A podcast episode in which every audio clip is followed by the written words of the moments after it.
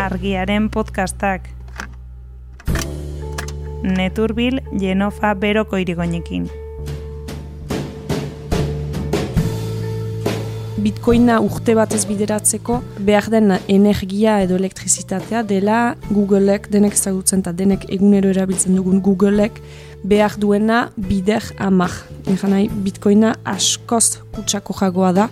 Horai gauzak aldatuko dira, ze txinak uh, postura zaldatu du. Baina gaur egun, mehatzarien euneko irurogeita bost eta euneko larogeiaren artean txinan uh, kokatua da. Ba, han uh, energia merke duelako eta zergatik energia zikina delako da ikatza mehategiai esker.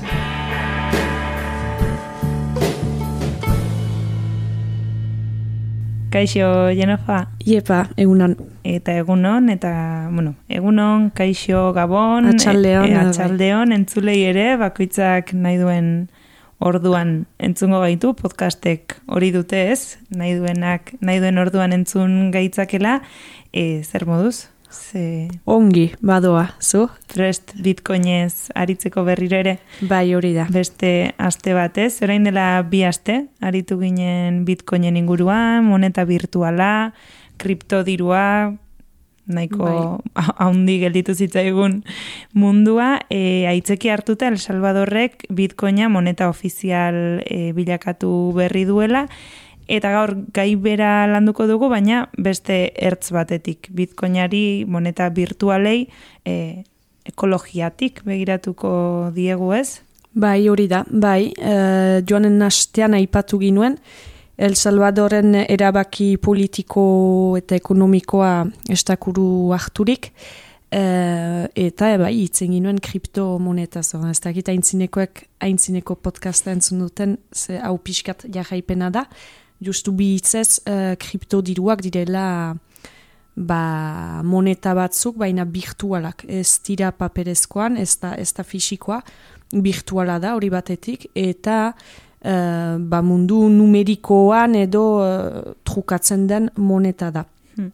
Eta beraz hori da, uh, gerozta pizu gehiago hartzen ari duena, Eta aldiuntan, orden joanen aldian, uh, pixkata ipatu ginuen uh, moneta horren gibelean gordetzen zen, uh, ba hori, logika espekulatzailea, eta horrek ekarlezakeen krak, hmm. ba hori, merkatuaren krak bat, eta zeinetan erri pobreak edo unkiak litaizkan, besteak beste ez bakarrik, eh? baina horiek ere bai, bo ez dut behitzeinen aurreko podcasta, hmm. baina eta aldiuntan, uh, aldiuntan bai gaia aipatzen dugu, baina gehiago ejan duzun bezala ingurumenean zentratuta. Mm. Zeren, uh, bitzat jaiteko eta gero sartuko gira gaian, baina uh, kriptodiruak eta ez den den denak agian, baina gehiengo handia eta bitcoina aipatu dugulako dola bi aste, aste ere hortan zentratzen gira, bitcoinaren kasuan, uh,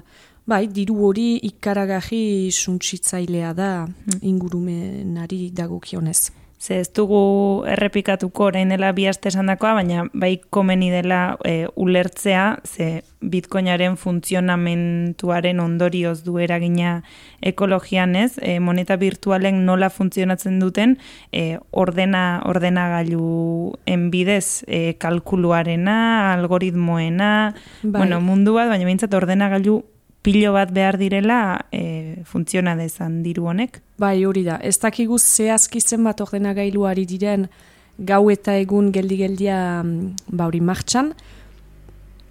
Zenbaki batzuk diote milioi bat pasa bat direla, baina bai, zuke janduzun bezala, e, diru horrek funtzionatzeko behar ditu gibelean milioi milaka eta laister milioika ordena gailu eta horregaitik da ikaragaji kutsako ja, diru hori.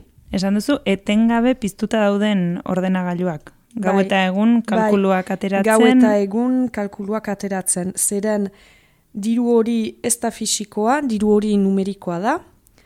Eta nunbait sortzaileak ere uh, oinahian bitcoina 2008an sortu zen, eh? ez da ikaragaji zaharra.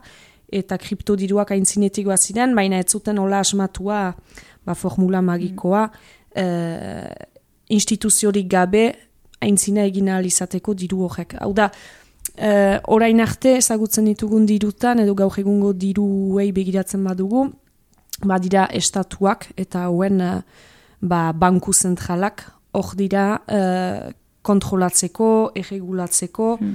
eta azken finean ba, ba, sistemak aintzina egiteko. Kriptodiruak sortu ziren estatuen presentzia hori saiesteko eta beraz asmatu dute sistema bat nun ez den instituziorik, banku zentralak noski ez dira, estatuak ez dira, ez du inork kontrolatzen, edo ez du inork kontrolatzen, edo denek kontrolatzen dute. Simpleki espikatzeko, lortzen badut, behintzat, mhm. da, uh, bitcoina erosten denean, norbaitek inbertitu nahi balin badu bitcoinen uh, esfera hortan, bitcoina erosten da, eta hor, ekintza horrekin, bideratzen da kalkulu bat, eiteko, bada kalkulu matematiko bat eiteko, eta kalkulu hori asmatuko dute ordenagailuek, algoritmoen bidez eta. Eta horrek du eiten, ba, baritu zula mehatzarit, eitzen dira horiek, mm. pertsona horiek haien lana dena dela kalkuloien asmatzea, asmatzea eta horren bidez aberastea, ze bitcoin batek gaur egun behoita mar mila euro edo balio ditu, feolako zait, eta beraz kalkulua asmatuz gero, ba, baduzu olako sari bat, eta beraz, aberasten zira pixkatoria. Eta horregaitik da ere mm. logika espekulatzailea. Um, baina noski kalkuloiek uh, egin ahal izateko, bai e, gau eta egun ordenagailu horiek ari dira ba, kalkulatzen, kalkulatzen, kalkulatzen.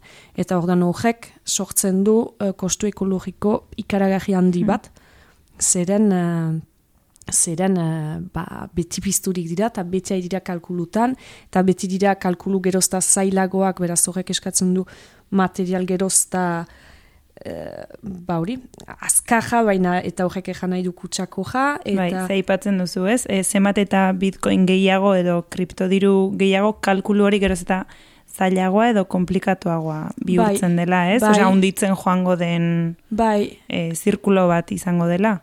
Bai, hori da, hola asmatu zuen uh, sortzaileak, 2008an.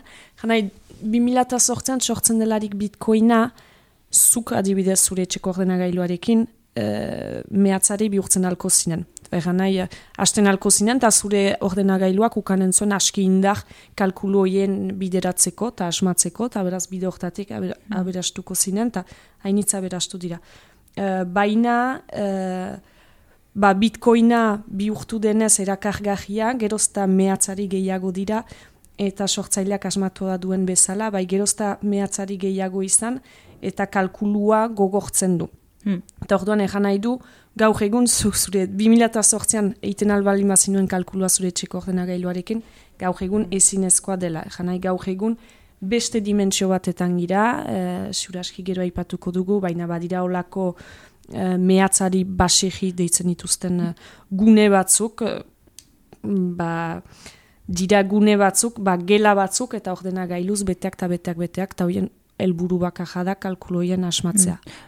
Hori galdetu behar nizunez, mm. aipatzen duzu justu Texasen okerrezpanago, e, dagoen e, mehatzari baserri hoietako bat, anik buruan irudikatu duana behintzat hori da, ez? E, nun baitor galduta, mendian edo, bueno, landa ere mu apartaturen batean alako e, infrastruktura edo azpiegitura erraldoi bat bai. ordena galduz beteta. Bai, Eta hor pertsona batzuk lanean dirudienez. Hori da, baina bai, pertsona batzun ba hori pixkat zaintzeko inkas ez egezkertatzeko, baina mm. bestela ez ez ordena gailuak lanean.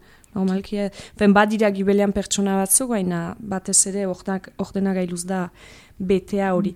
Eta ideia bat ukateko, horrek ze nahi duen da uh, bitcoinaren, uh, ba hori, bit, bitcoina urte batez bideratzeko, behar, behar den energia edo elektrizitatea dela uh, Google, Googleek, mm. denek ezagutzen eta denek egunero erabiltzen dugun Googleek, behar duena bider amak. nahi, bitcoina askoz kutsako jagoa da, eta beraz pixkat... Hala, denek ez dautzen dugu Google, uh, Bitcoina ez dugu denek ez dautzen, eta gutiengo batek erabiltzen du Bitcoina, mm. baina, hala eta guztiz ere, Google baino ama jaliz gehiago energia ba behar du. Hmm. Konparazio horietan sartuta orain ari nintzen begira ez, diozula urte batez bitcoina bideratzeko behar den energia Zelanda berriak edo Norvegiak urtean kontsumiturikoaren parekoa dela. Osa, bai. ideia bat egiteko kopuruan bai, bai. garela, oza, bi herrialdek, herrialde osoak behar duena bai. ainakoa. Bai, bai, bai, hori da, eta jakinez, uh, jakinez, kriptodiruak gutxiengo batek erabiltzen dituela, egan nahi, hor behiratzen nuen lehen, dira beheun eta ogoi milioi egitarrek erabiltzen dituzte kriptodiruak. Eta hauetan erdiak uh, bitcoina. Egan nahi, hainiz da behar bada, baina oso gutxi da behiratuz zenbat giren munduntan.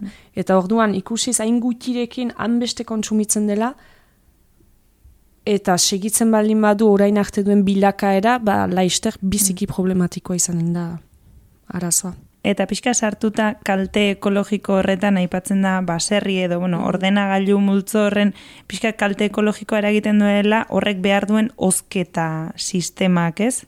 e, bai. ordenagailuak hainbeste berotzen direla, ez? E, hainbesteko lana egin behar horretan, ozketa sistema handia behar dute, eta horrek eragiten du nola baita ekologian, bai, kliman, inguruan. Bai, orduan, biztan da ordenagailuiek funtzionatzeko behar duten elektrizitatea, hori hmm. deia bada, ba hori, kutsadura ituji, eta gero zuke duzun bezala, Jana, e, gu, gure etxean ordenagailu batekin ez dugu senditzen berotasuna, eta batzutan, bai, efe, eskoa maten bai. zuazpian, eta sentitzen batzutan, bai, bai, bai, hanken gainean bai, jartzen bai, baduzu. eta, ba, pentsa gela batean, nun baituzun eh, milaka ordenagailu, uh, ikaragarri bero da, eta horrek eman dezake, fe horrek, arazoak sortzen alditu uh, zerbitzarietan eta panak eragiten alditu eta beraz hori ekiditeko ba behar dute osketa sistema bat. Eta badakigu naiz setasunetan txartuko baina bakigu osketa sistema horiek ere uh, ba kutsatzen dutela.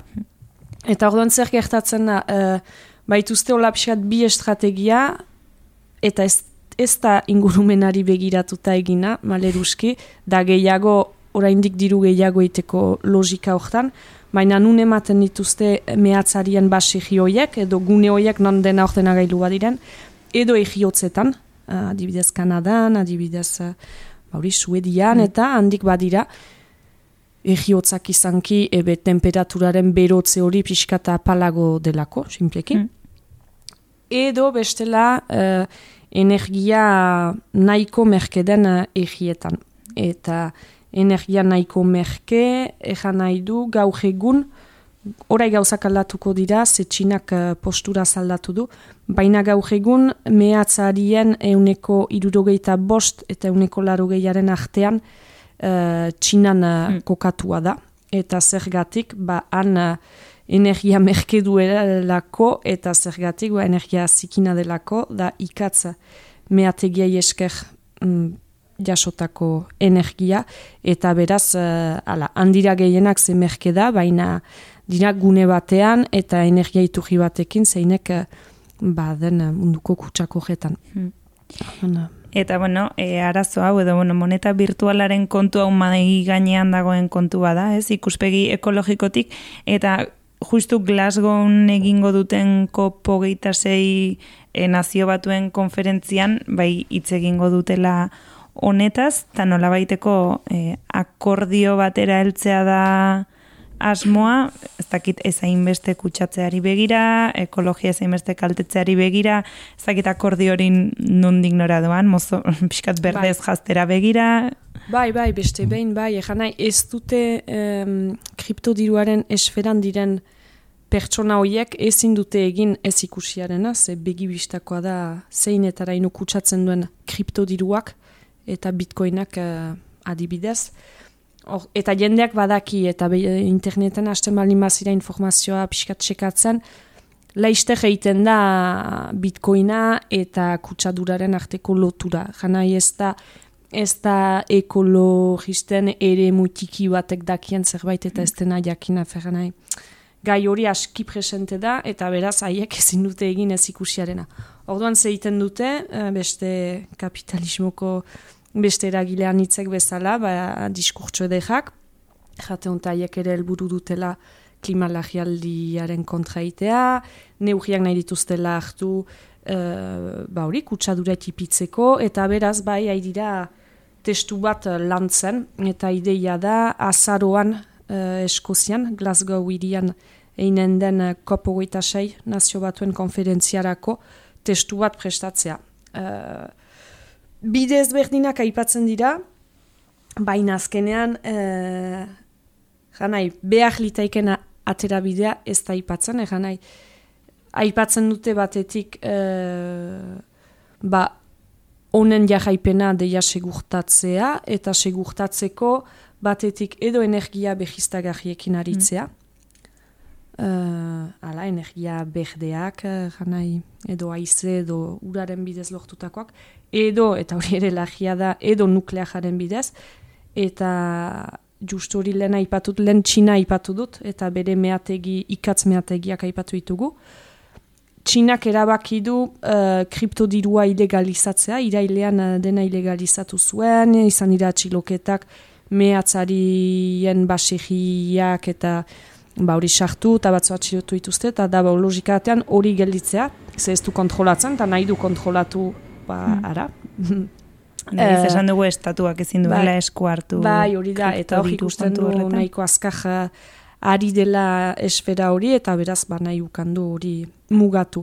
Eta hor txinatik nora doazte uh, mehatzariak, iduriz estatu batuak haidira bilakatzen uh, eldo jado edo behia. Eta zergatik, zehan bada nukleaja, hainitz, uh, gainera nukleajaren sektorea krisi batean da, janai gehiagieko izten du eskaerarei konparatuz, ze beste energia iturri batzu bat dira, dibidez frackingaren bidez lortutako gasen bidez, eta eta orduan nukleajaren sektorea estatu batuetan gaur egun martxan da, ekoizten du, baina eskaera ez da hain azkaja.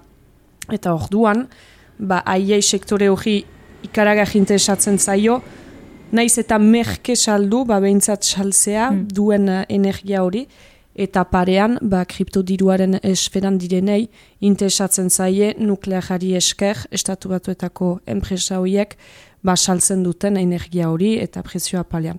Beraz, bi aldeentzat da interesgahia eta badirudi gerozta jende gehiago estatu batuetan kokatzen ari dela. Hmm. Eta orduan, uh, haiek noski nukleaja energia berdetzat daukate, eta beraz atera bide. Hmm. Horrek deitu dit atentzioa. Bai, bai, energia nuklearra energia berdea da. O, bueno, Niretzat ez, baina sistema aldatu nahi ez duten entzat, bai, zeren matematikoki ez du, ez du eragiten zeo bi isurketarik. Ja. guti, mm. eta beraz, haientzat berdea da.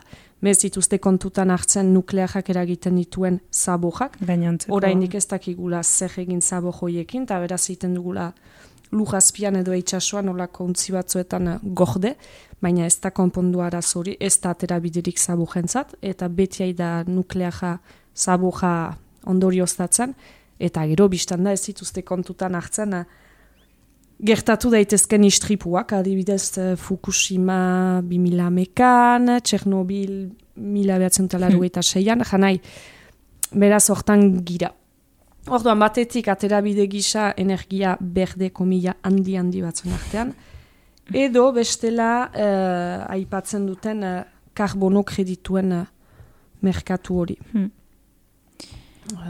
eta hori ez dakit, ez dut gaia ikaragarri peratzen, baina simpleki jaiteko da uh, Kiotoko gailujean, laru eta mazazpian, at nunbait adostu zuten hori, orduan ideia zen ze hobi isurketak tipitzeko neugi batzuk da bideratzea, eta orduan karbono kredituekin zepasten da, da nunbait egi bakoitzak edo enpresa bakoitzak badu baimena hainbat uh, CO2 bidaltzeko isurtzeko. isurtzeko hori da. Beraz, kutsatu dezake kantitate mugatu batean. Eta kantitate horiek adostuak dira, eta orduan megauza da egi edo enpresa batzuk kantitate hori baino gutio kutsatzen dutela, eta bertze batzuk, adibidez bitcoinaren kasuan, bertze batzuk askoz gehiago mm. kutsatzen dutela. Eta beraz gehiegi, eta eta orduan zer gertatzen da logika desaskunde logika batean izan ordez, egiten dutena, da baimena baino gutio kutsatu dutenei, erosten dute kutsatzeko eskubidea. da, kakono kreditu bat. Da, Bai, bai, bai. da kreditu bat, da gutxi gora bera CO2 tona bat, eta ez dakit soberatze prezio duen, baina hola. Osa, kutsatzeko eskubidea erosten Bai, dute. hori da. Eta orduan haien uh, aterabideetan, kriptodiruaren uh, aterabideen artean hori ere bada. Ba, Mundu Bai. bada, eh? Bai. Bai, ez dugu... Be, ari Ikusten duguna da, ez? Krezuk esan duzu, kriptodiruena e, jende gutxik darabilen zerbait dela, baina azkenean kaltea horren eragina edo horrek sortzen duena horrek denoi eragingo digu, lehenago edo beranduago, ez? Ekologia zari garenean, e, Bai, bai. sistema guzti honetaz ari garenean, onurak beti bezala gutxirentza dira, baina kaltea denontzat. Bai, bai, bai, bai, bai, eta ez da, janai, ez da, urgentzat eh, planteatzen nahi diren testu hori hor berez itxura poita duena, ez da, janai, behitz ere da greenwashing Hmm. edo deitzen den hori, da berdestinatzea arazoa, ze ez da egia, janai, hor gauzak aldatzeko, eh, janai, kriptodirurik ez da egon behar, ez da, edo kriptodirua egon daiteke, baina eh, kontrola eta kontrola bermatzeko metodoa aldatu behar da. Eta Mm. uste dut badirela metodo batzuk ez hain jak, baina hori eskarletuz ez dut bat hemen beratzen, baina irakurri dudanez badira beste metodo batzu, baina janai, eta baita hor ere ez litaike bidea janai, pff, ez, ez hor behar da, janai, beste logika bat Bai. behar da planteatu. Oso ondo, ba, hementxe utziko dugu aste hontakoa, espero dugu bigarren kapitulu honek, ba, balioko zuela, lehenengoan ulertu ez ziren gauzako beto ulertzeko, edo ertzukaiago mai gainera ateratzeko. Ez da Eh, izanen irugajenik, eh? Ez da izanen. Gaiz aldatuko dugu, ez? Zerbait Bai. errexeagoa ekarri horrena galderak egiteko Bai. ere. Ondo hieno, ba, hemen dibi astera gongo gara. Bai. Ondo segita, eskerrik asko, agur. Aio.